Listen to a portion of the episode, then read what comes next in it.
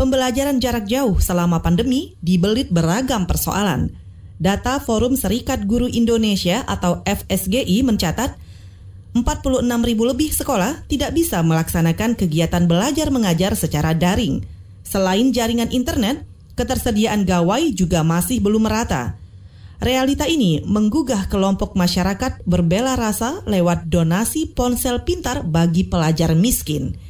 Simak laporan tim KBR yang dibacakan Dwi Renjani. Bukannya bagaimana, nggak ada jaringan. Anak-anak juga nggak semuanya punya HP loh. Paling dari satu kelas cuma satu dua aja yang dikasih dibeliin HP. Itu tadi keluh kesah Tika, tenaga pendidik SMP YPK Tanah Merah, Papua Barat.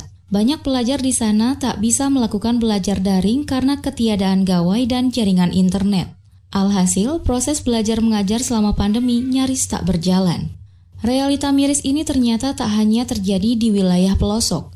Di Jakarta Timur, ada siswa tak punya gawai karena orang tuanya tergolong miskin. Hal ini berdasarkan laporan yang diterima Wakil Sekjen Federasi Serikat Guru Indonesia atau FSGI Satriawan Salim. Uh, beliau bekerja sebagai uh, pengangkut sampah yang non formal, tidak punya gawai juga gitu kan anaknya, sehingga ya anaknya menangis gitu anak SMP ya di Jakarta Timur Uh, karena teman-temannya di kelas umumnya pakai gawai gitu. Dia tidak. Nah, hasil apa yang dilakukan ya pakai gawai orang tuanya. Jadi bertiga mereka. Satu gawai dipakai bertiga. Fakta memprihatinkan tersebut memunculkan inisiatif gerakan dari berbagai kelompok masyarakat. Salah satunya digagas wartawan lintas media. Para jurnalis yang terhimpun dalam kelompok itu membuka donasi ponsel pintar bekas layak pakai untuk pelajar. Sejak dibukanya donasi, sudah puluhan ponsel yang disumbangkan.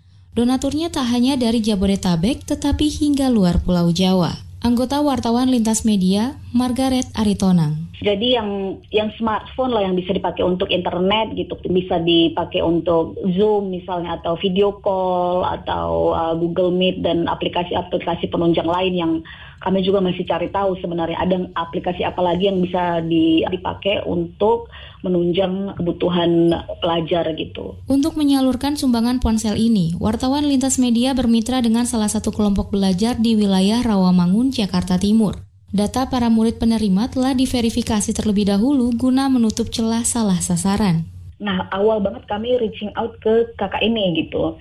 Dan dia eh, mengumpulkan data anak-anak bimbingannya yang dari latar belakang sangat tidak mampu, yang sangat membutuhkan gawai, untuk menunjang proses belajar anak dari rumah dan terancam tidak bisa melanjutkan sekolah karena keterbatasan ini. Banyak individu-individu yang menghubungi kami mengatakan bahwa saya, anak saya begini-begini atau tetangga saya, saya tahu orang yang butuh begini. Juga guru di seluruh penjuru Indonesia yang mengajukan permohonan gitu, e, Mbak ini murid saya begini-begini gitu. Akhirnya ya semua kita tampung gitu, tapi untuk gelombang pertama ini karena proses verifikasinya hampir selesai yang Kampung Kumuh di Rawamangun itu akan kami perlu prioritaskan pertama kali nanti sembari kami mengumpulkan dan memverifikasi semua permohonan yang masuk dari seluruh Indonesia ini gitu. Margaret menuturkan ada dua kriteria siswa yang berhak menerima donasi ponsel yakni siswa yang keluarganya sama sekali tidak memiliki ponsel atau siswa yang keluarganya hanya memiliki satu ponsel. Jadi ada dua jalur itu. Ketika semua permintaan masuk, hal yang pertama kami lihat adalah satu latar belakang keluarga gitu. Ada beberapa yang sama sekali tidak memiliki HP ya di keluarganya menurut keterangan yang mereka berikan. Tentu kami kan masih harus verifikasi ya. Nah, ada juga yang punya satu HP dalam keluarga tapi HP-nya itu dipakai oleh antar atau ibu atau ayah untuk mencari uang untuk bekerja gitu. Nah, artinya kan tidak ada gawai yang bisa dipakai di rumah untuk uh, belajar oleh anaknya kan. Kondisi seperti itu akan menjadi prioritas buat kami. Tak berhenti di donasi gawai. Wartawan lintas media juga mengajak warga mendaftar sebagai relawan teman belajar para siswa.